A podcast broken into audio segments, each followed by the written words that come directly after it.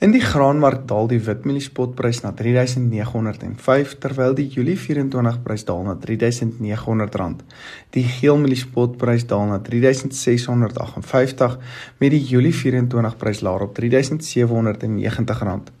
Die sojaspotprys het egter Dinsdag gestyg na 9235 met die Mei 24 prys ook hoër op R8920 per ton, meestal as gevolg van die droogte in Brasil. Die sonneblomspotprys daal na R9090 terwyl die Mei 24 prys daal na R8583 per ton.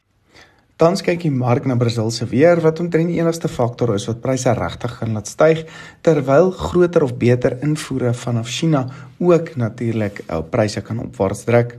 Dit lyk ook of ons beter oeste uit Amerika kry wat veral die mieliepryse bietjie onder druk nou plaas.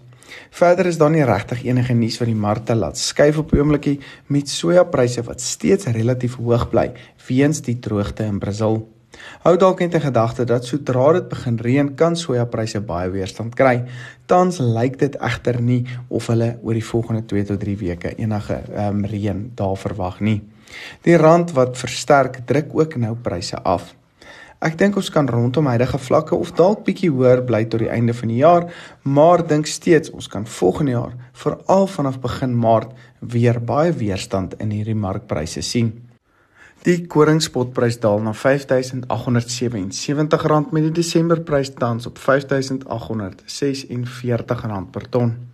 Gaan luister gerus ons onderhoud met Nicolaas Meton van Match Exchange oor wat tans in die koringmark gebeur en waarheen dit op pad is, asook die beste strategie as jy nog nie geprys het hierdie seisoen nie.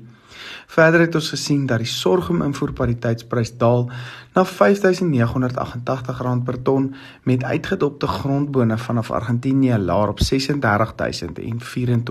per ton. Lucerne graad 1 pryse het ook gedaal na R3800 per ton.